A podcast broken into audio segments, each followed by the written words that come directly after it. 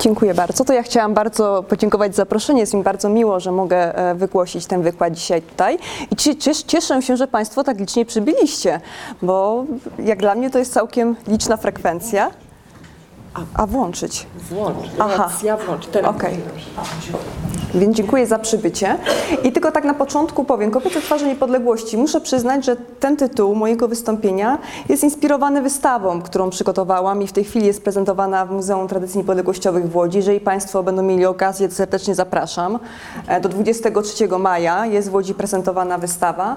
Ona zakres problemowy ma trochę szerszy, ponieważ jeszcze oprócz zaangażowania kobiet w odzyskanie niepodległości, mówi również o początkach ruchu emancypacyjnego na ziemiach polskich. Ja dzisiaj w swoim wystąpieniu chciałam się jednak tylko skoncentrować na tych kwestiach e, udziału kobiet w walce e, o niepodległość, e, bo myślę, że to będzie no, takie najbardziej interesujące. Mm, Pozwolę sobie czytać, czytać, żeby nie opadać w dygresje niezbędne. Sobie zdaję sprawę, że to dla Państwa może będzie mniej atrakcyjne. Będę co jakiś czas łapać kontakt, ale myślę, że po prostu nie popłynę w dygresjach i, bę- i będę się po prostu swobodniej też czuła. Więc jeżeli e, miałabym dać tytuł, podtytuł do tego wystąpienia, to właśnie tak jak powiedziałabym, e, to byłby udział kobiet w walce e, o niepodległość Polski. Już tak sam sformułowany podtytuł rodzi oczywiście pytanie, jak rozumiemy tą walkę. I tutaj chciałabym się posiłkować cytatem z jednego z wybitniejszych historyków Polski, e, Michała Bobrzyńskiego, e, jednego z przedstawicieli twórców tzw. krakowskiej szkoły historycznej, który właśnie on napisał, że walkę o niepodległość należy traktować jako złożony, wielowątkowy proces sumujący wszelką aktywność naznaczoną rysem niepokorności wobec zaborców. To może jest oczywiste, ale ja czasami mam wrażenie, zwłaszcza jak patrzę na różne inicjatywy, e, teraz przecież mieliśmy stulecie odzyskania niepodległości bardzo dużo, że czasami mam wrażenie, że trochę za bardzo koncentrujemy się na tym militarnym aspekcie odzyskania niepodległości, jakby nie, nie widzą, że to jest proces o wiele bardziej e, złożony. I też tak jak historycy, którzy zajmują się tym okresem e, e, zaboru, są skłonni dokonywać podziału istniejących właśnie form oporu przeciwko zaborcy na zdominowane przez kobiety organizacje tajnego nauczania oraz te o charakterze spiskowo-paramilitarnym. Podział ten nie wynika oczywiście wyłącznie z różnych predyspozycji fizycznych obu płci, ale lecz jest e, w znacznej mierze również zdeterminowany przez czynniki e, obyczajowe i właściwie kierując się tym podziałem e, chciałabym przedstawić właśnie te kobiece twarze niepodległości, czyli powiedzieć kilka słów o organizacji właśnie tajnego nauczania, w którym kobiety brały udział i również ich zaangażowaniu w te organizacje o charakterze spiskowo-paramilitarnym, różne zaangażowania konspiracyjne, powstańcze. Czyli zaczynając od tajnego e, nauczania, zaangażowania kobiet e, w ruch oświatowy, Walka o niepodległość, e, właśnie chociaż przeważnie, jak już wspomniałam, bywa e, postrzegana jako zaangażowanie militarne, powstańcze, to jednak w rzeczywistości e, zaborów równie ważnym jej aspektem była walka o podtrzymanie tożsamości narodowej, troska o zachowanie wartości narodowych oraz wychowanie w duchu polskich ideałów spoczywało w głównej mierze na kobietach. Polki, matki tak miały wychować młode pokolenia, aby były one gotowe do walki o niepodległość ojczyzny. Kobiety, kobiety polskie zaangażowały się w działalność oświatową we wszystkich trzech zaborach. I to była walka nauczycieli o możliwość uczenia się w języku polskim i wychowaniu ich w duchu narodowym. Nie do przecenienia pozostaje zatem zaangażowanie kobiet w ruch oświatowy, który stawiał sobie za cel przeciwstawienie się skutkom polityki germanizacyjnej i rusyfikacyjnej.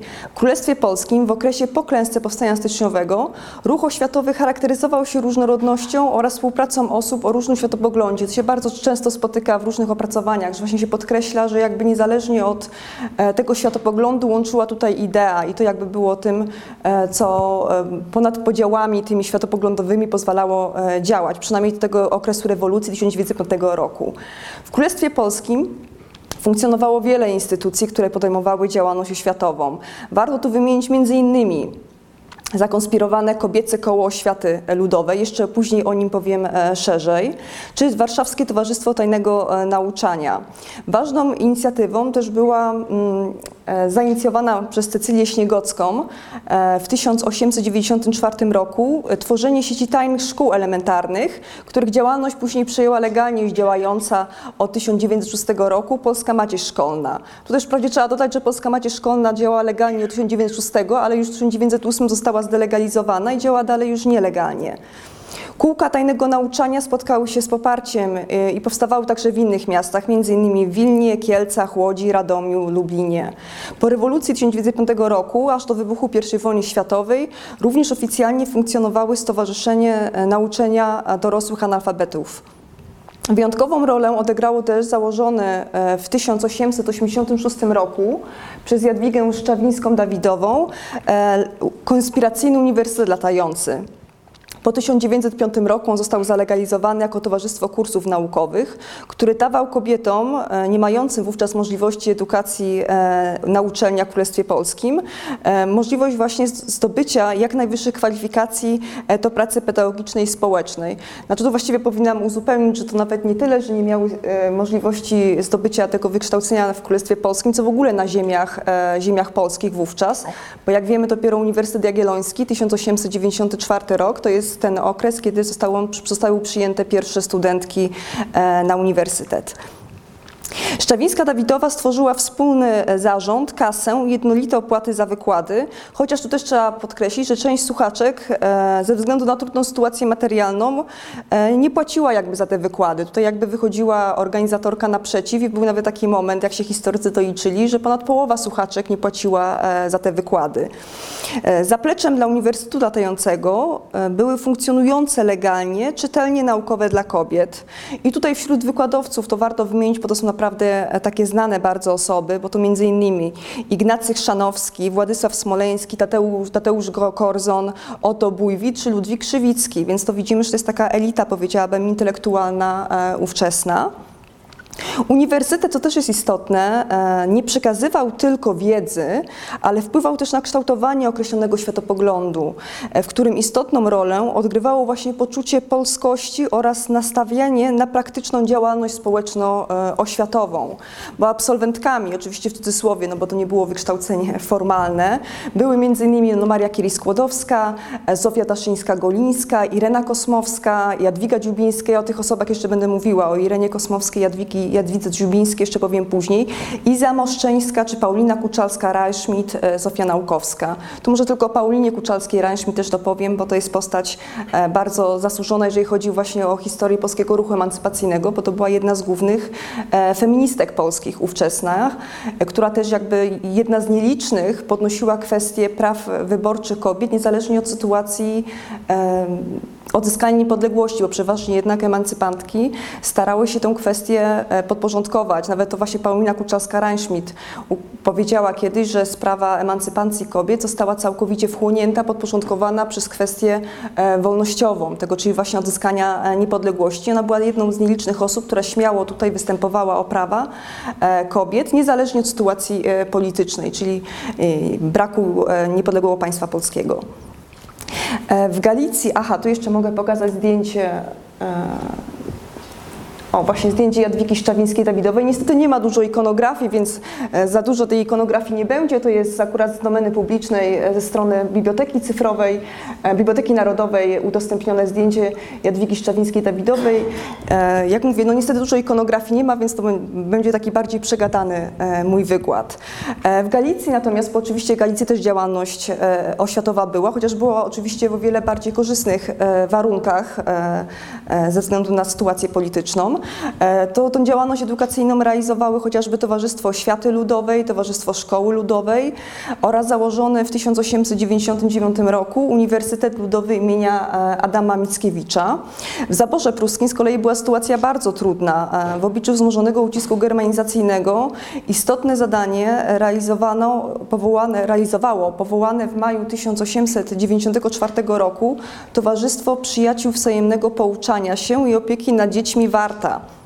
Oficjalnym celem towarzystwa, e, który e, pozwolił mu działać legalnie, bo to towarzystwo działało e, legalnie, Było samokształcenie dorosłych i opieka nad dziećmi pod taką przykrywką oficjalną. W rzeczywistości jednak właśnie Warta, to stowarzyszenie, prowadziło planową i systematyczną naukę języka polskiego, literatury i historii ojczystej oraz geografii Polski. E, Towarzystwo zostało powołane e, do życia przez 49 kobiet, w tysiąc, a niemniej już w 1913 roku było ich 363, czyli ono cieszyło się ogromnym jakby zainteresowaniem i poparciem też e, społeczeństwa. Do najbardziej aktywnych należały to, jak Państwo widzą, Aniela Tułodziecka, Walentyna Dziębowska, Józefa Chrzanowska i Zamoszczeńska. Kobiety były także, to też warto powiedzieć, e, uczestniczkami oświaty pozaszkolnej. Były organizatorkami ruchu czytelniczego, angażowały się w akcje zakładania bibliotek i czytelni publicznych. Ponadto były prelegentkami i kolporterkami nielegalnych wydawnictw. Były autorkami podręczników dla nielegalnych szkół średnich, na przykład Maria Wysuchowa, o której jeszcze też powiem. Była autorką broszury o powstaniu kościuszkowskim oraz o Konstytucji 3 maja. Istotny był również e, ruch oświatowy e, działający na wsi. E, To było szalenie istotne wówczas, który obejmował zarówno dorosłych, jak i dzieci, a którego celem było budzenie świadomości narodowej i postępy oświaty wśród chłopów, czyli jakby dwutorowo tutaj ta kwestia oświaty szła. W 1883 roku, to już tak jak wspominałam, powstało Koło oświaty, e, kobiece koło oświaty e, ludowej. Rok wcześniej, założone przez Kasyldę Kulikowską, rok wcześniej powstało koło oświaty ludowej i właściwie to koło kobiece koło to po prostu była taka żeńska filia e, tej organizacji. Ta, ta, ta, ta tajna organizacja, oczywiście założona w Warszawie, miała na celu e, jakby właśnie polityczne uświadomienie ludności chłopskiej i szerzenie oświaty e, na wsi. I tutaj, ponieważ e, to są kobiece twarze niepodległości, to chciałabym też konkretne przedstawicielki e, przybliżyć, żeby to nie było, żeby po prostu były jakieś przykłady osób zaangażowanych w e, ruch oświatowy. Oczywiście mój wy- wybór, jak każdy wybór, jest subiektywny, więc sobie zdaję sprawę, że no nie jestem w stanie wyczerpać e, w tak krótkim wyk- wykładzie całości bogactwa tego tematu. E, Wybrałam trzy przedstawicielki e, oświaty. E, Właśnie Marię Wysuchową, Jadwigę Dziubińską i Irenę Kosmowską. Zacznę od Marii e, Wysuchowej. E, Pochodziła ona, tu jest zdjęcie, takie niestety lepszego za bardzo nie ma, to też jest fotografia z domeny publicznej. E, Pochodziła z rodziny patriotycznej. Jej ojciec brał udział e, w powstaniu styczniowym. E, Za to został osadzony w więzieniu w Wilnie i zresztą w wyniku czego tam zmarł. Majątek został skonfiskowany, w wyniku czego rodzina Marii się musiała, trochę tułała po świecie.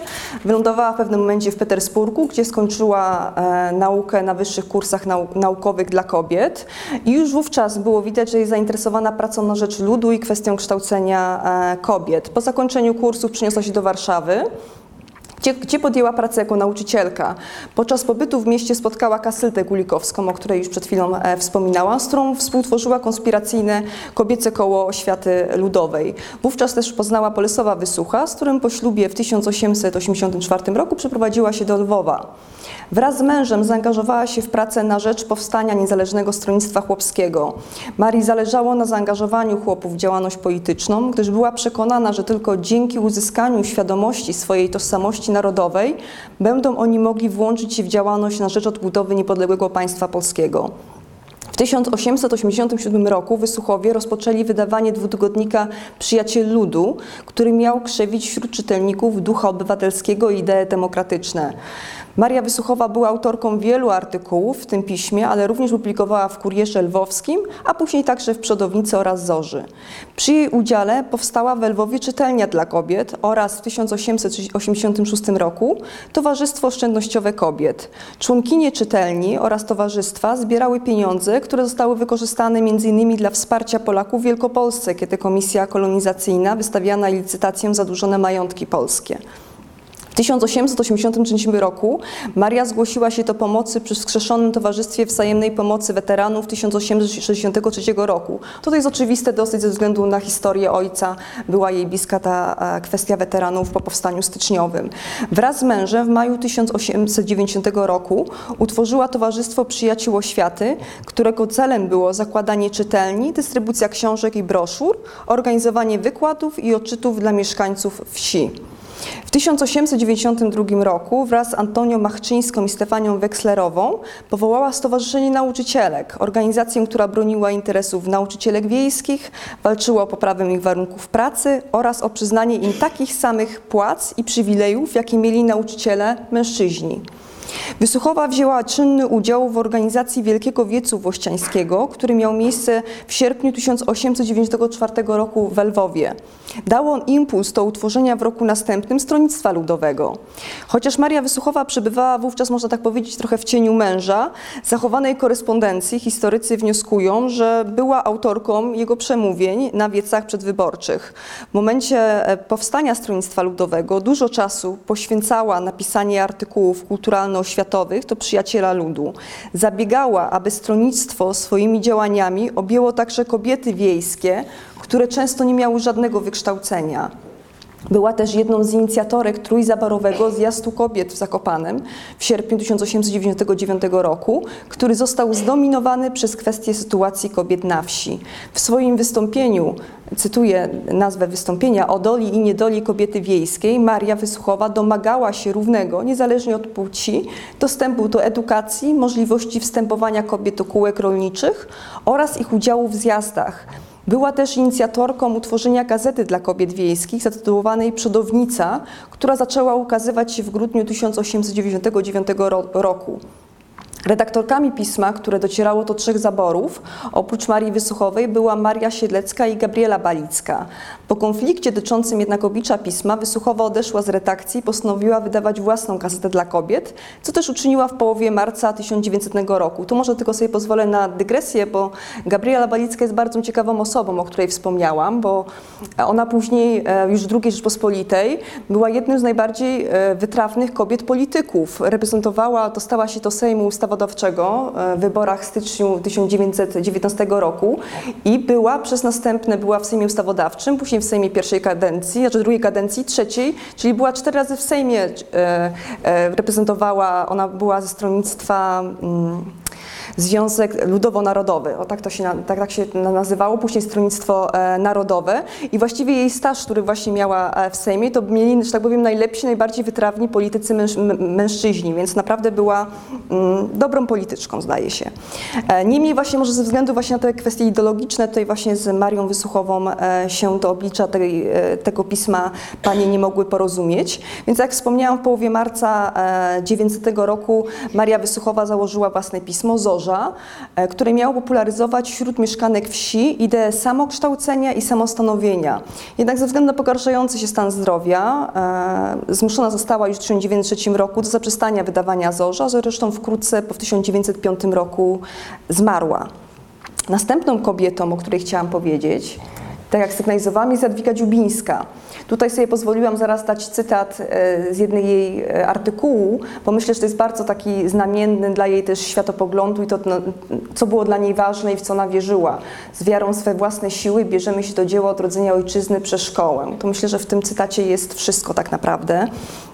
Ona również e, była słuchaczką Uniwersytetu Latającego.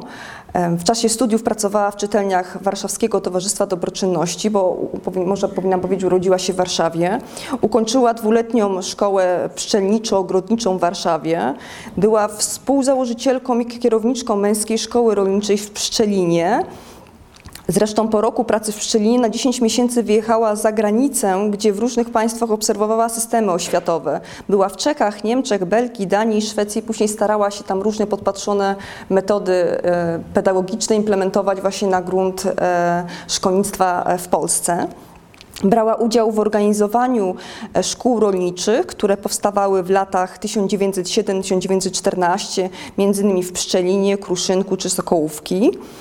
E, Dziubińska była związana z Polskim Związkiem Ludowym, właściwie od jego początku jego istnienia 1904 roku do likwidacji w 1907 roku, który zakładał walkę o niepodległość, a także walkę o wyzwolenie wsi w zależności od dworu i plebanii, tak jak to było określone programowo. Uważała pracę oświatową, to właśnie jest to, co tutaj widzimy w tym e, cytacie, za najważniejszą w wychowaniu ludu wiejskiego i w kwestiach właśnie odzyskania, możliwości odzyskania e, niepodległości. W czasie pierwszej wojny, e, w czasie pierwszej wojny, w czasie pierwszej wojny światowej zaangażowała się w pracę oddziału Polskiego Towarzystwa Pomocy Ofiarom Wojny w Warszawie. W ramach tej działalności była delegowana do Rosji. Przebywała tam od maja 15 roku do października 18, aby ocenić warunki, w jakich przetrzymywani są polscy jeńcy, głównie obozy jenieckie w środkowej Rosji oraz Syberii. 26 stycznia 19 roku została wybrana posłanką do Sejmu Ustawodawczego. Kandydowała z ramienia e, PSL e, Wyzwolenie. I tu jeszcze po, to, to, powiem, bo e, ona właśnie dostała się do tego Sejmu Ustawodawczego. Mm, Sejm skończył kadencję w 22 roku i ona zrezygnowała. Ona nie chciała dalej e, angażować się w politykę, bo stwierdziła, że dla jej bliższa była działalność edukacyjna, co jednak jest dosyć wyjątkowym, wydaje mi się, ponieważ ta sytuacja kobiet e, bywała różna w parlamencie. Ona była bardzo cenioną osobą i bardzo gorąco ją zachęcali koledzy właśnie partyjni z PSL Wyzwolenia nie żeby ona została, żeby startowała w następnej e, kadencji. Niemniej ona zdecydowanie była e, taką działaczką edukacyjną bardzo, tak powiem, z powołania i ona do końca swojego życia, to do 1936 roku właśnie realizowała się przez pracę edukacyjną i tutaj zrezygnowała z tej e, kariery politycznej, chociaż była autorką jednego z większych sukcesów, chyba można powiedzieć, kobiecych, jeżeli chodzi o parlamentaryzm drugiej RP, bo była autorką ustawy o szkolnictwie e, wiejskim właśnie. Pamiętam, w którym roku, nie chcę e, tutaj przekłamać, to był 1920 czy 21, ta ustawa została przegłosowana, ona właściwie była, no trzon tej ustawy to było jej, jej autorstwa, bo ona naprawdę dobrze znała problematykę i problemy związane z tym szkolnictwem e, wiejskim. Następną osobą, Zresztą, która współpracowała bardzo blisko z Jadwigą Dziubińską jest Irena Kosmowska. To już jest jej zdjęcie późniejsze, również z Narodowego Archiwum Cyfrowego.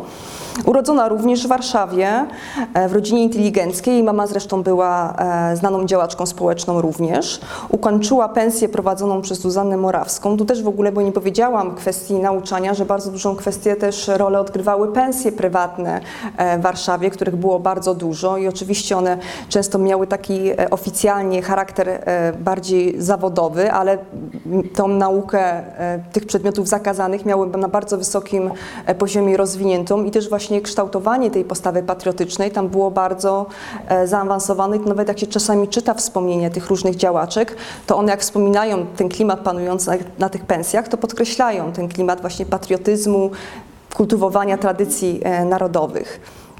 Następnie po tej, e, ukończeniu pensji e, skończyła szkołę gospodarczą w Kuźnicach e, w latach natomiast 1905-1908 studiowała jako wolna słuchaczka historię i literaturę na Uniwersytecie w Lwowie. Wówczas też poznała przedstawicieli kalicyjskiego ruchu ludowego, wspomnianą już przeze mnie Marię i Bolesława Wysuchów oraz Józefa Piłsudskiego. Zaangażowała się w pracę pedagogiczną, utrzymywała kontakt m.in. z Jadwigą e, Dziubińską i przez jakiś czas uczyła w założoną przez niej, e, w założonej przez niej szkole dla ochroniarek Maria Dwinkuk pod Warszawą. W 1908 roku została współpracowniczką Zarania, to takie czasopismo, które się ukazywało coś charak bardzo charakterystycznym profilu światopoglądowym i właściwie w Zaraniu aż do jego likwidacji w 1915 roku e, pracowała, gdzie publikowała również pod pseudonimem Jasiek z Lipnicy oraz prowadziła ciał kulturalno-oświatowy i sekretariat redakcji. Dzięki jej zaangażowaniu od 1911 roku zaraniem zaczął ukazywać dodatek Świat Młodzi Idą, skierowany do młodzieży wiejskiej, a od 1912 roku sprawy szkolne który koncentrował się na problematyce oświaty e, na wsi. Zaangażowała się w działalność ruchu zaraniarskiego, właśnie który bierze tą nazwę od tego czasopisma, który między innymi walczył e, z polityką zaborcy, zacowaniem wsi, tutaj również e, z klerem. Doświadczenie to, ideę kooperatyzmu i ruchu spółdzielczego miało wpływ na kształtowanie się poglądów społecznych Kosmowskiej. Jednym z najbliższych jej tematów pozostawała jednak ciągle oświata. W 1909 roku wzięła udział w drugim kongresie pedagogicznym w Lwowie, gdzie wygłosiła opracowany wspólnie z Jadwigą Dziubińską referat pod tytułem Szkoły gospodarcze dla dziewcząt wiejskich. W 1912 roku założyła zaś szkołę gospodarczą właśnie dla dziewcząt w Krasieninie koło Lubartowa. W 1912 roku uczestniczyła natomiast w zjeździe, na którym powołano komisję tymczasową skonfederowanych stronnictw niepodległościowych. W momencie w momencie wybuchu I wojny światowej, tak jak właściwie cały ruch zaraniarski, poparła politykę Józefa Piłsudskiego, wzywała chłopów do wstępowania do legionów, sama zaś działała w polskiej organizacji e, wojskowej. Aresztowana wraz z pozostałymi członkami redakcji Zarania w 1915 roku, trafiła do więzienia w Moskwie.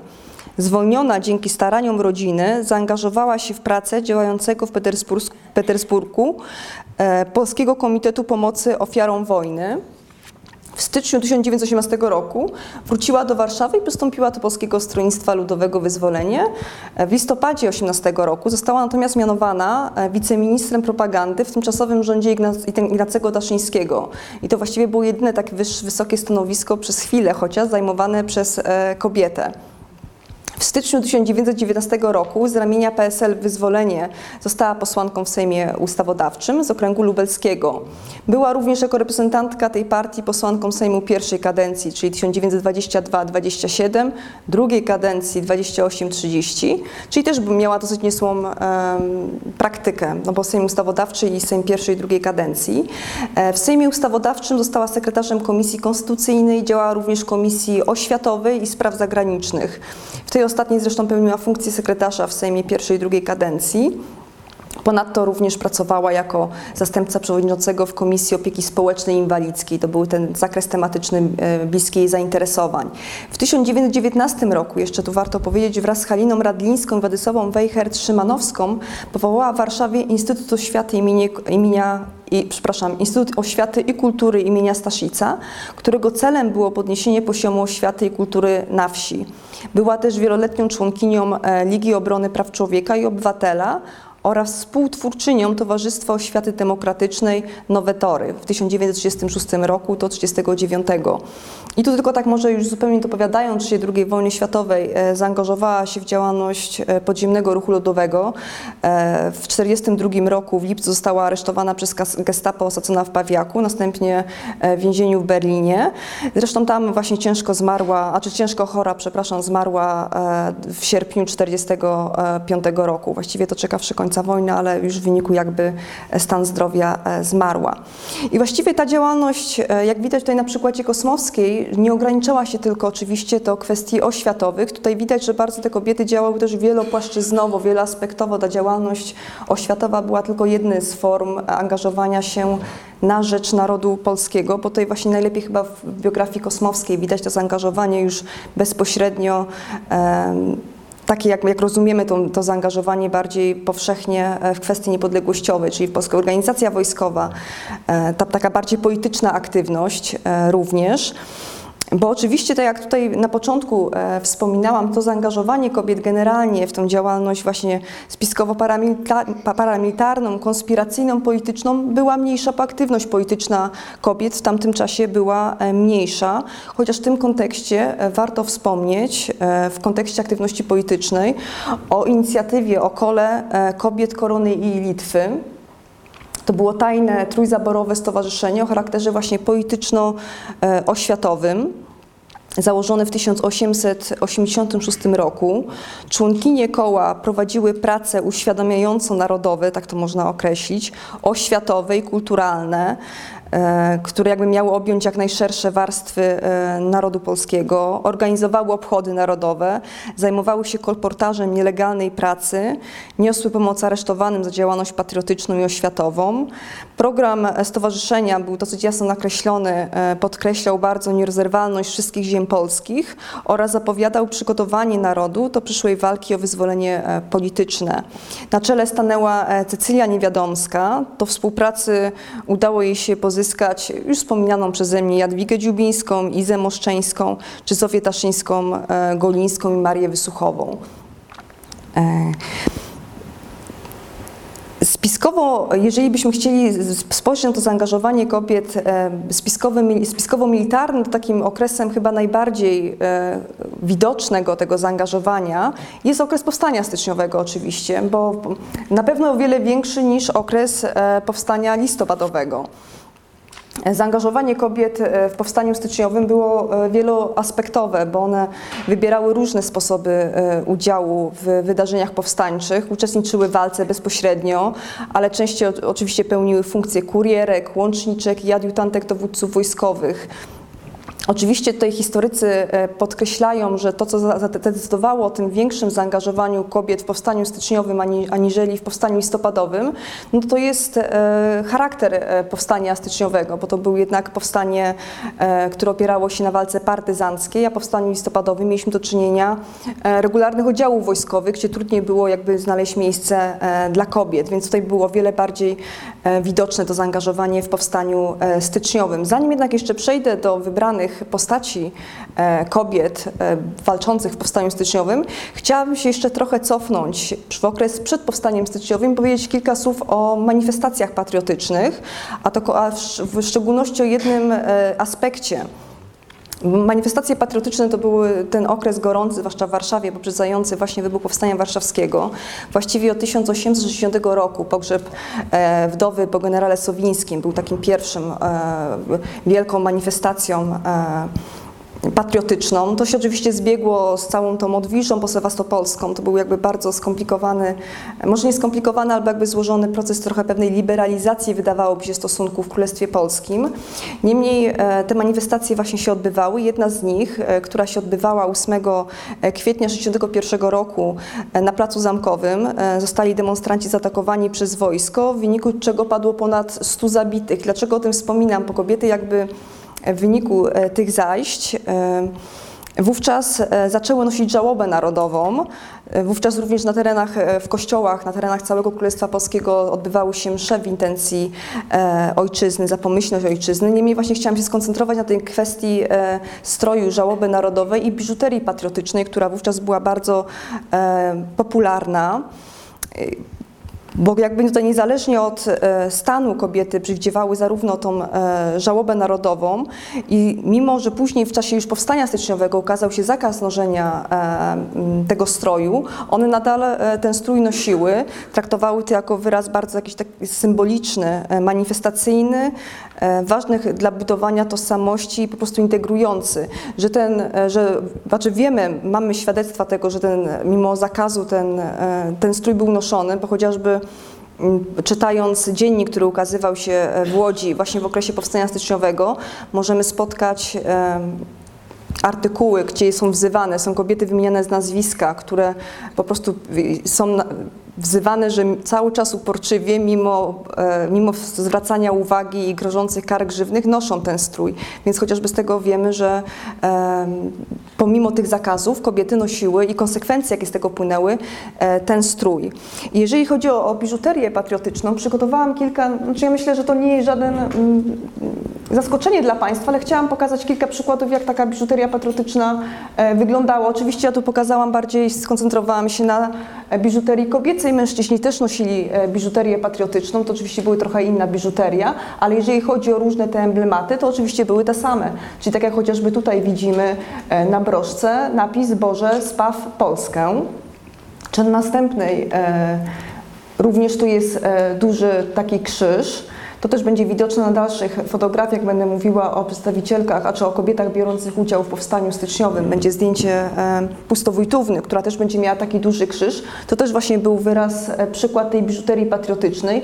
Tu nie do końca widać, e, tutaj jest, pod, jest, po pierwsze, że jest emblemat, jest oczywiście symbol no jest krzyż jako symbol wiary, serce symbol miłości, kotwica symbol nadziei, ale zaraz pod sercem jest data 1863 rok. Państwo tego nie widzą, bo to jest nie do końca e, oczywiście widoczne.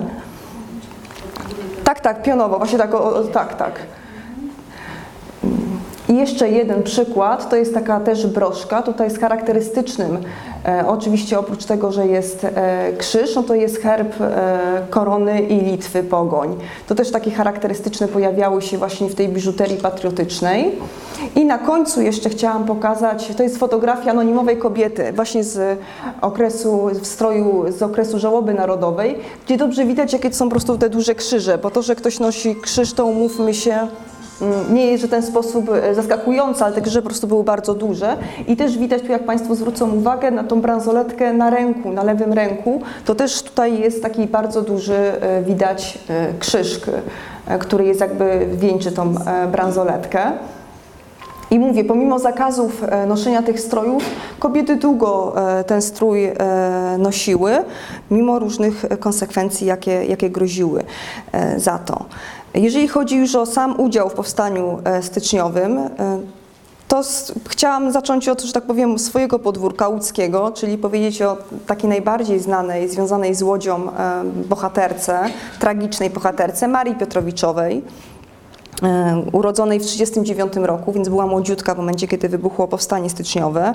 To była zamożna dziedziczka dóbr radogowskich. Jej rodzinie były bliskie wartości e, patriotyczne, bo jej ojciec brał udział w powstaniu listopadowym, wujek też należał do spisku inicjującego e, powstanie listopadowe.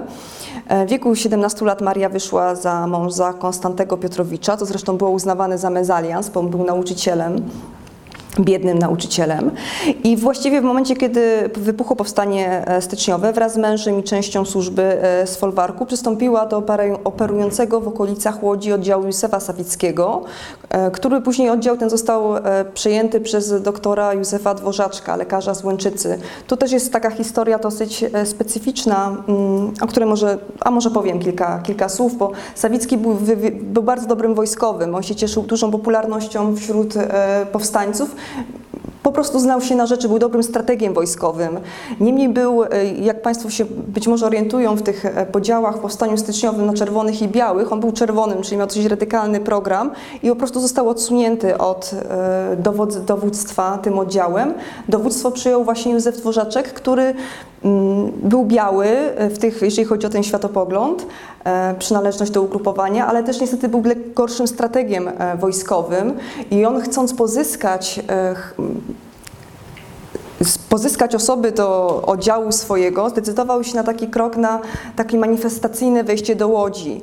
E, I to było, nawet to wyszło bardzo ładnie, bo oni zostali przywitani w kościele, ludność wyszła, przywitała ich bardzo tak entuzjastycznie, tylko przez to niestety zostali, że tak powiem, ujawnili swoją obecność i został zaalarmowany oddział rosyjski, który stacjonował w Piotrkowie. I po prostu zostali, że tak powiem, zdekonspirowani. I w momencie, kiedy oni się później wycofali z Łodzi e, właśnie w okolicach Dobrej, to jest miejscowość koło Strykowa, zostali zaskoczeni przez ten oddział rosyjski, e, który rozbił dos, doszczętnie ten e, właśnie oddział Dworzaczka. I teraz wracając do Marii Piotrowiczowej, bo ona... Ona jakby włączyła się do walki w momencie, kiedy stała się ta sytuacja, że oddział polski został zaskoczony przez oddziały e, rosyjski, włączyła się do walki bezpośrednio do walki e, zbrojnej i mimo tak jak e, podają e, relacje historycy, że miała propozycję od rosyjskich dowódców e, oddania się do niewoli, ona nie skorzystała e, z tego i po prostu zginęła, broniąc do końca powstańczego e, sztandaru. Wokół tej też śmierci krążą pewne przekazy, które oczywiście trudno zweryfikować. Według nich, e, jednym z nich kozacy e, bardzo pastwili się nad jej ciałem, także było bardzo e, pokrwawione.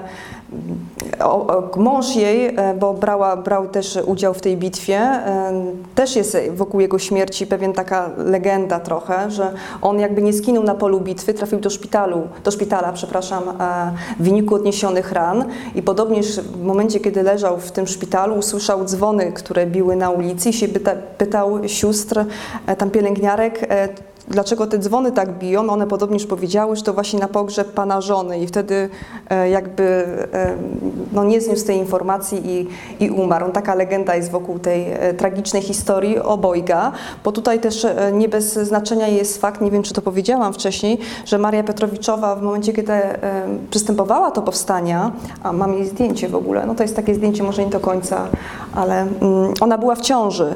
Mało, że była matką, już miała dzieci, to była w ciąży i też e, być może e, nie bez znaczenia właśnie te okoliczności tragicznej śmierci e, Marii Piotrowiczowej wpłynęły na decyzję rządu narodowego 16 kwietnia 1963 roku właśnie o zakazie przyjmowania do służby liniowej kobiet. Rząd Narodowy wydał taką decyzję, powstańczy rząd narodowy, chociaż też oczywiście trzeba mieć świadomość, że ten przepis różnie pewnie był przestrzegany, chociaż też z drugiej strony trzeba mieć świadomość, że znowu tych kobiet e, bezpośrednio biorących udział w powstaniu tak dużo e, nie było.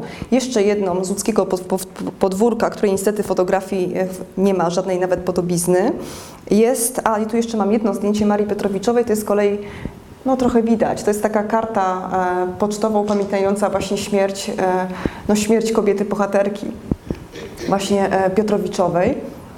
Jeszcze jedną osobą jest e, Walentyna Niemojowska.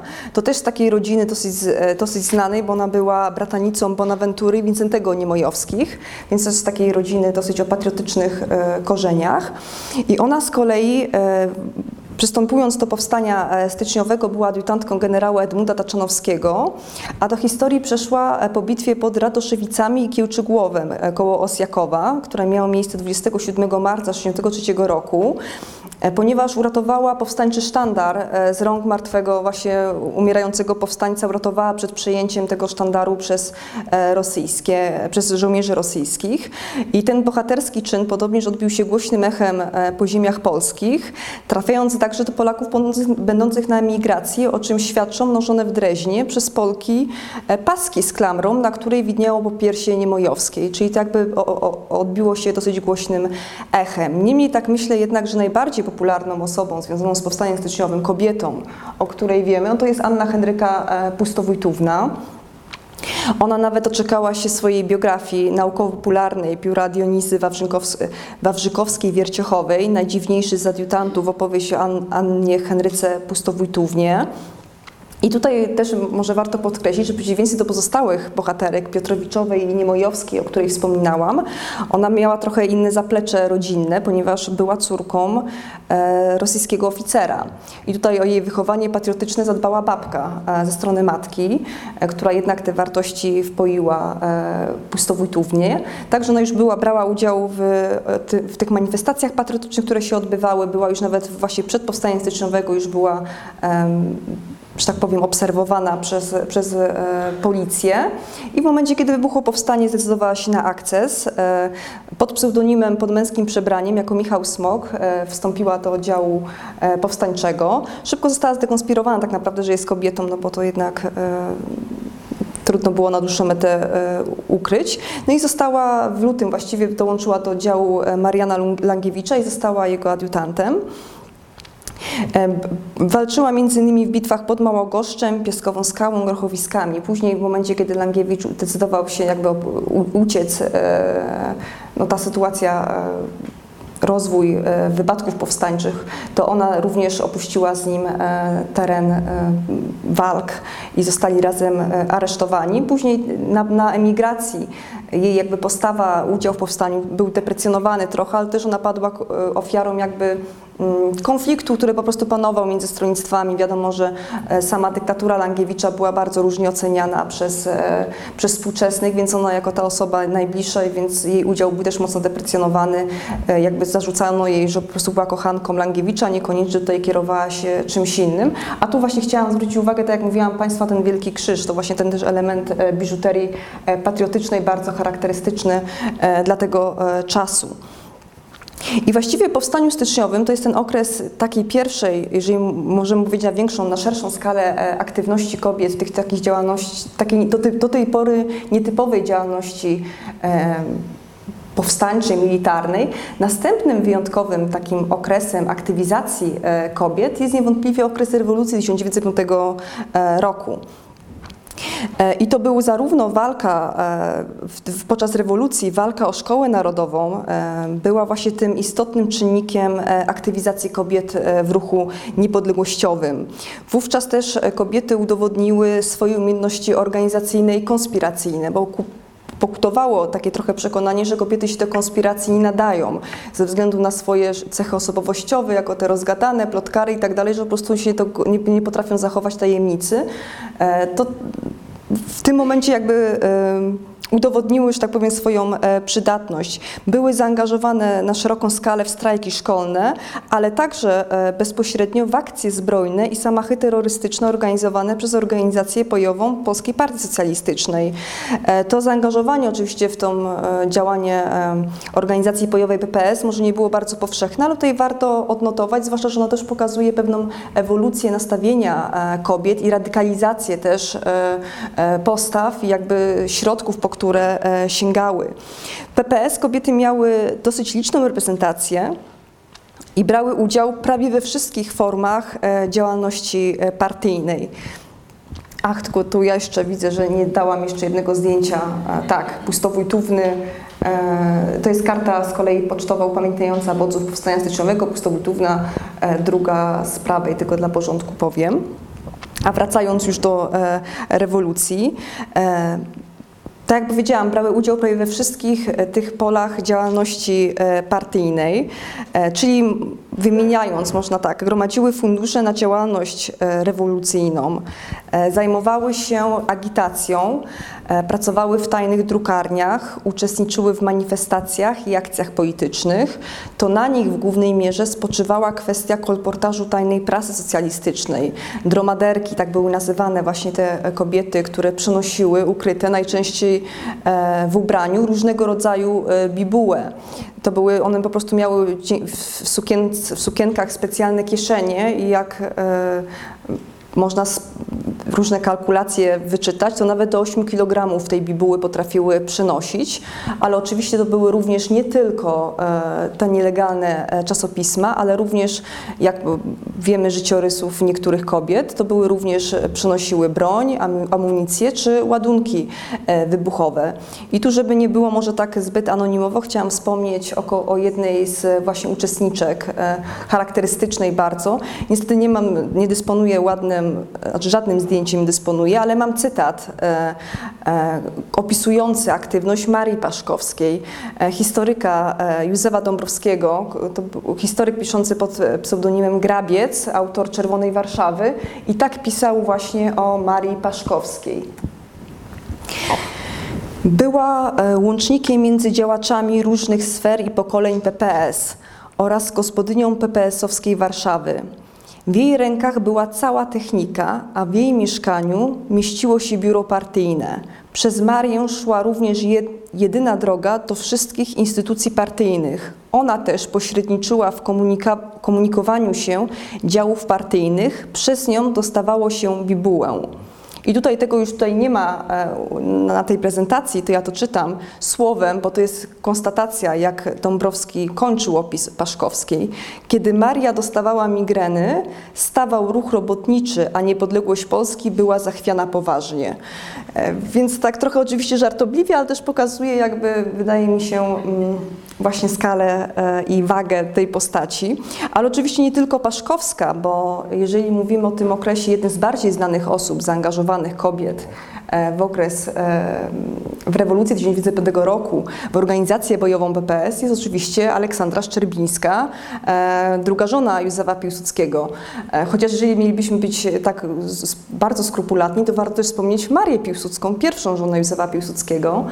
Mm, Muzeum Tradycji, zrobię tutaj dygresję, Muzeum Tradycji Niepodległościowej w Łodzi, z którego mam przyjemność, przyjechałam do Państwa, mieści się siedziba główna w dawnym więzieniu carskim, w którym przebywał właśnie Józef Piłsudski. On miał krótki epizod e, łódzki, bo przyjechał jesienią 1899 roku, w lutym 1900 został aresztowany i w kwietniu już przeniesiony do Warszawy, więc tak naprawdę w Łodzi długo nie, nie przebywał, a chociaż bardzo źle ten swój epizod łódzki zapamiętał ze względu na kiepskie warunki, które w tym więzieniu panowały i nie można było palić, co też mu bardzo e, dokuczało. Ale do czego zmierzam? On został aresztowany za kolportaż, za drukowanie i kolportaż nielegalnego organu prasowego PPS-u robotnika. I nawet to jest bardzo znamienne. Przewodnicy po Łodzi, którzy oprowadzają, opowiadając tą historię, czasami zapominają o takim drobnym fakcie, że wraz z Piłsudskim została aresztowana Maria, jego pierwsza żona, która również brała udział i doskonale wiedziała co Piłsudski robi i również do więzienia trafiła, więc już pierwsza żona, że tak powiem, Piłsudskiego była właśnie zaangażowana w tą działalność partyjną, czyli w kolportaż i drukowanie nielegalnej prasy. Aleksandra Szczerbińska, Piłsudska w 21 roku, o ile mnie pamięć nie myli, e, wyszła za Piłsudskiego, bo musieli odczekać do śmierci Marii. Piłsudska, a Szczer Szczerbińska była jakby, że tak powiem, o wiele dalej zaangażowana, bo ona właśnie była członkinią organizacji bojowej PPS i zarówno e, oprócz tego kolportażu, tej nielegalnej prasy, ale właśnie również ład- ładunki wybuchowe, amunicję i broń e, e, przemycała, ale też brała właśnie udział w różnych akcjach tych terrorystycznych organizacji bojowej PPS i tam zresztą też się poznała w jednej z nich właśnie z Piłsudskim. To tak e, tylko na, na marginesie chciałam jeszcze o niej e, wspomnieć. W przededniu właściwie I wojny światowej, bo tu powoli dochodzimy do I wojny światowej, tu też jest takie dosyć znamienne, że w tym czynie właśnie zorganizowanym i kierowanym przez Józefa Piłsudskiego była zauważalna znaczna obecność e, kobiet. Tłumaczyć to można też pewną oczywiście specyfiką zaplecza społecznego, z którego się rekrutował, to jest głównie inteligencji, a z kolei wśród e, inteligencji, w tym środowisku e, studiującej młodzieży inteligenckiej, tak to można powiedzieć, emancypacja, emancypacja poczyniła największe postępy, więc również stąd e, te kobiety się e, rekrutowały. Niemniej to, też jest ciekawe, że jako pierwszy do szkolenia wojskowego kobiet dopuścił nurt jednak narodowo-niepodległościowy, czyli, tylko, czyli jednak ten e, prawicowy, bo już w 1910 roku w Lwowie powstała sekcja żeńska Polskiego Związku Wojskowego, którą rok później przekształcono w oddział żeński e, polskich drużyn e, strzeleckich.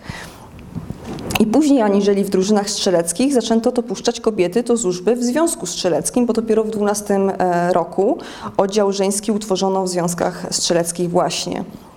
Kobiety przewidziano do służby sanitarnej oraz duży nacisk właśnie tej w Związku Strzeleckim e, położono na szkole, na, w szkoleniach na służbę kuriersko-wywiadowczą i dywersyjną. O takim przeznaczeniu to zdecydowało właśnie doświadczenie, które zostało wyniesione z organizacji bojowej e, Polskiej Partii, Partii Socjalistycznej z okresu e, rewolucji 1905 roku. Bo tak jak Piłsudski nie widział kobiet w bezpośredniej walce w legionach, tak oczywiście później właśnie bardzo doceniał ich rolę, jeżeli chodzi o tą działalność kuriersko-wywiadowczą, mówiąc najogólniej.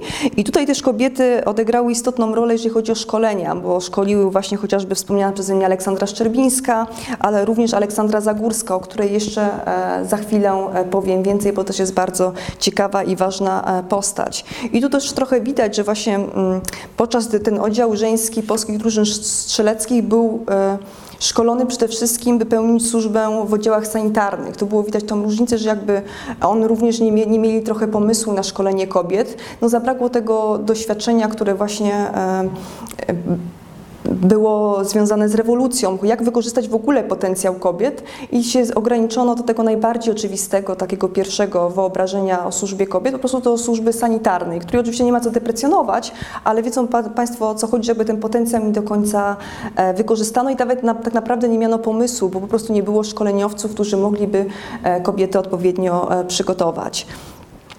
E, Marzec 13 roku, to może warto wspomnieć, krakowski oddział żeński Związku Strzeleckiego wziął po raz pierwszy udział w strzeleckich ćwiczeniach polowych i od tej pory zarówno e, placówka krakowska, właśnie jak i lwowska regula- regularnie uczestniczyła w ćwiczeniach, pełniąc funkcje patroli wywiadowczych i sanitarnych oraz przy najmniejszym entuzjazmie e, kotując posiłki ćwiczącym.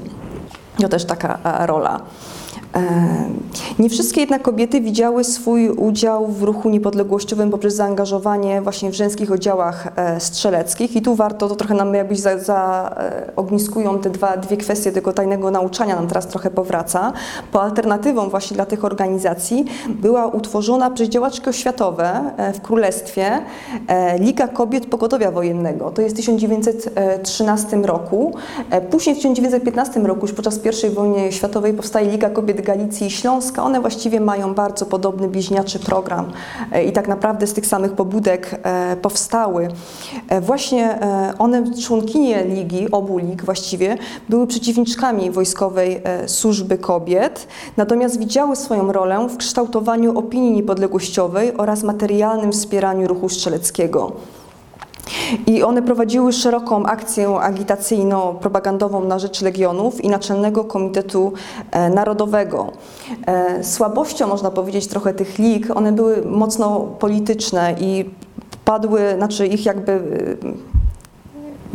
dynamika działania była uzależniona trochę od sytuacji politycznej. W momencie, kiedy e, pojawił się konflikt e, na linii kierownictwa Naczelnego Komitetu Narodowego i, Piłsudskiego, to jakby to rykoszetem wpłynęło na obie ligi, które opowiedziały się po stronie Piłsudskiego. Tylko w momencie, kiedy nastąpił kryzys przysięgowy i, i zostały, e, Piłsudski został internowany, to, to, to po prostu to jakby wpłynęło na działalność tych lig, że one po prostu zaczęły, straciły, że tak powiem, zupełnie parę i właściwie najbardziej aktywny okres, kiedy można mówić, że one naprawdę miały znaczenie, e, to jest właściwie od sierpnia 15, od sierpnia 15 roku do sierpnia 16 roku, kiedy naprawdę odgrywały bardzo dużą rolę właśnie w kształtowaniu opinii niepodległościowej e, w Królestwie i w Galicji. Później właśnie na skutek tych zawirowań e, politycznych one jakby przestały odgrywać tak dużą, dużą, duże znaczenie. Mm, chociaż też warto może podkreślić, że w 1916 roku ligi liczyły około 16 tysięcy członkiń i to w tym momencie były najbardziej masowe organizacje kobiece w ogóle w historii wcześniejszej, bo to była naprawdę bardzo duża e, liczba. Bo one, one cieszyły się dużym też zainteresowaniem poparciem społeczeństwa, tylko po prostu, tak jak mówię, na wskutek później tych różnych zawirowań politycznych jakby straciły też e, swój, swoją moc oddziaływania. Teraz jeszcze tylko cofając się, bo tu właściwie wybiegłem już do I wojny światowej, a jeszcze warto powiedzieć, że w samym momencie, kiedy wybuchła I wojna światowa, to oczywiście kobiety zgłaszały się i chciały brać udział w bezpośredniej e, walce. E, zgłaszały się jako e, do oddziałów legionowych. E, nie mogły być przyjęte. E, we wrześniu zresztą 14 roku e, ukazał się rozkaz, który usuwał wszystkie kobiety z oddziałów legionowych. Wyjątkiem był, bo był wyjątek, oddział wywiadowczy, w którym było 46 kobiet. Chociaż oczywiście też zdarzały się przypadki udziału kobiet e, w legionach, czego najlepszym przypadkiem, e, przykładem jest e, przypadek Wanty Gerz, która pod pseudonimem Kazimierz Żuchowski właśnie wstąpiła do Legionów. Tu też na jej przykładzie, na jej biografii widać bardzo, jak to było idealistyczne wyobrażenie służby w Legionach, ale to też wynikało oczywiście z wychowania, nastawienia chęci, tak samo jak mężczyźni chcieli walczyć bezpośrednio o niepodległą Polskę, tak samo kobiety niekoniecznie sobie zdają sprawę, czym walka i czym wojna tak naprawdę e, jest. E, więc niemniej jednak, jakby, jakby na to nie patrzeć, w Legionach dużo tych kobiet nie było. Na pewno było, oprócz Wandy Gertz, to nie, ma, nie można mieć złudzeń, było jeszcze, były kobiety, ale to jest kiepsko udokumentowane i na pewno one nie odgrywały jakiegoś dużego znaczenia. Natomiast pewną rolę istotną odgrywały w Polskiej Organizacji Wojskowej e, założonej na e, rosyjskim zapleczu w 14 roku i działającej przez cały okres, a to jeszcze nie, to przepraszam, przez cały okres e, wojny. Za działalność konspiracyjną kobiety też przemawiały pewne antyemancypacyjne wzorce zakorzenione w żandarmerii i policji, zarówno rosyjskiej, jak i niemieckiej. Prawdzie tu się trochę waham, bo to spotykam się z różnymi jakby, że tak powiem, w opracowaniach e, opiniami, bo z jednej strony właśnie te antyemancypacyjne wzorce przejawiały się tym, że po prostu w momencie, kiedy dochodziło do czego pierwsze kobiety nie były traktowane poważnie jako przeciwnik polityczny, a również e, żandarmeria nie była skłonna do robienia szczegółowych rewizji osobistych po prostu kobietom. Niemniej z drugiej strony spotkałam się z opinią, że właśnie w okresie rewolucji 1905 roku zmieniło się trochę nastawienie żandarmerii rosyjskiej, która zaczęła doceniać w cudzysłowie zaangażowanie polityczne kobiet. Więc tutaj myślę, że to pewnie zależało jak zwykle od, od człowieka i nie można uogólniać. Niemniej na pewno kobiety właśnie tutaj e, w Polskiej Organizacji Wojskowej e, miały tą, tą, tą, ten pole działania, gdzie mogły się realizować. Zresztą były wykorzystywane. A zresztą dobrym przykładem jest właśnie taka statystyka e, odnosząca się do stanu osobowego najpoważniejszej e, placówki e, konspiracyjnej właśnie Polskiej Organizacji Wojskowej, jakim latem 15 roku, 1915 roku była Warszawa. 15 czerwca, na krótko przed wycofaniem się Rosjan, Polska Organizacja Wojskowa liczyła tu 212 mężczyzn i ja 64 kobiety. To myślę, to jest całkiem niezły wynik. I teraz jeszcze właściwie tak trochę już e, podsumowując, e, chciałam osobne kilka słów powiedzieć o Lwowie, o sytuacji w Lwowie, bo tam była coś wyjątkowa e, sytuacja. Bardzo dobrze, to właśnie ten slajd, z którym wy- wyskoczyłam do przodu, bardzo dobrze działał zorganizowany, zorganizowany Komitet Obywatelski Polek, utworzony 30 stycznia 18 roku, czyli już właściwie pod koniec e, wojny, z połączenia miejscowego koła Ligi Kobiet Galicji Śląska, czyli tej organizacji, o której e, wspominałam mm, wcześniej. Ona oczywiście miała poszczególna, liga miała poszczególne koła w poszczególnych miejscowościach oraz Komitetu Pracy Obywatelskiej Kobiet. Komitet Pracy Obywatelskiej Kobiet to była z kolei taka organizacja powołana przez Marię Dulębiankę, też jedną z takich bardziej zasłużonych e, postaci, jeżeli chodzi o historię ruchu emancypacyjnego na ziemiach polskich, ale nie będę teraz o niej e, mówić. Już w pierwszych dniach e, konfliktu z Ukraińcami, na początku listopada 18 roku, e, w siedzibie komitetu przystąpiono do organizacji akcji sanitarnej oraz inicjatywy Aleksandry Zagórskiej. Tu po raz kolejny nam się pojawia to nazwisko, ja zaraz o niej powiem. Właśnie Aleksandra Zagórska postanowiła sformułować, przygotować oddział kuriersko-wywiadowczy, który odgrywał bardzo istotną rolę podczas tego konfliktu, podczas walki o Lwów, ponieważ Lwów był przecięty po prostu, e, linia frontu przechodziła przez miasto i kobiety, kurierki odgrywały szalenie istotną rolę po prostu, jeżeli chodzi o komunikację między oddziałami, przynoszenie meldunków, rozkazów, e, po prostu też informacji o tym, jak wygląda e, sytuacja na froncie, więc ta jakby rola kurierek była szalenie istotna i odegrała dużą rolę. Tutaj też mm, nawet zwracano uwagę, że kobiety miały dosyć, na początku przynajmniej, ułatwione poruszanie się e, po linii frontu, ponieważ Ukraińcy, przynajmniej początkowo, e, nie strzelali do kobiet samotnie poruszających się po linii frontu. Później, wprawdzie, jeżeli taką kobietę e, złapali się okazało, że ona właśnie była kurierką, to była rozstrzeliwana. Niemniej jakby na początku, powiedzmy, że po prostu łatwiej im było się poruszać, bo właśnie samotne kobiety nie strzelano do nich. Naj, największe, najbardziej krwawe jeżeli chodzi o ten konflikt, e, to tutaj poniosły sanitariuszki, które, mm, no to oczywiste, oczywiście jest ta forma najbardziej e, powtarzam się, przepraszam, oczywiście oczywista forma zaangażowania kobiecego, ale po prostu one w momencie, kiedy właśnie na linii frontu szukały rannych, to po prostu badały najczęściej ofiarami i po prostu e, ginęły na, na, na, na, na, na, na tej linii frontu, tak mówiąc. Tutaj też warto może wspomnieć e, postać e, tak trochę mm, inaczej, może jeżeli chodzi o różne aspekty zaangażowania kobiet w tym konflikcie. Heleny Bujwidowej. E, Helena Bujwidowa, która była snajperką, podobnież znamienitą, znakomitą snajperką, która zasłynęła z tego właśnie, że e, ze strychów i z okien strzelała do Ukraińców i ponoć miała bardzo dobre wyniki. Ja nie mam niestety dobrego zdjęcia, jeżeli chodzi o okres, tej, e, okres wojenny. Tu jest fotografia udostępniona dzięki uprzejmości Muzeum Odona Bujwita w Krakowie. Helena Bujwidowa to jest od prawej druga, druga dziewczyna, to jest druga pani. To jest zdjęcie jeszcze przed, e, przed wojną. Tu jest na tym zdjęciu, to może tylko to powiem, jest Kazimiera Bujwidowa. To jest ta druga pani od lewej z kolei. No też jedna z czołowych postaci, e, jeżeli chodzi o polski ruch emancypacyjny. I Helena Bujwidowa właśnie była e, w Lwowie, zasłynęła, jeżeli chodzi o, o, o, o w tym konflikcie polsko-ukraińskim. To tylko tak na marginesie chciałam e, wspomnieć. Niemniej teraz wracając może do e, Aleksandry Zagórskiej. Tu jest jej e, ładna, ładne zdjęcie, e, fotografia ze zbioru Archiwum Magnowych. W ogóle Archiwum Magnowych e, posiada cały piękny album e, Ochotniczej Legii Kobiet w Lwowie, o którym właśnie zaraz powiem, którego inicjatorką powołania była właśnie Aleksandra e, Zagórska.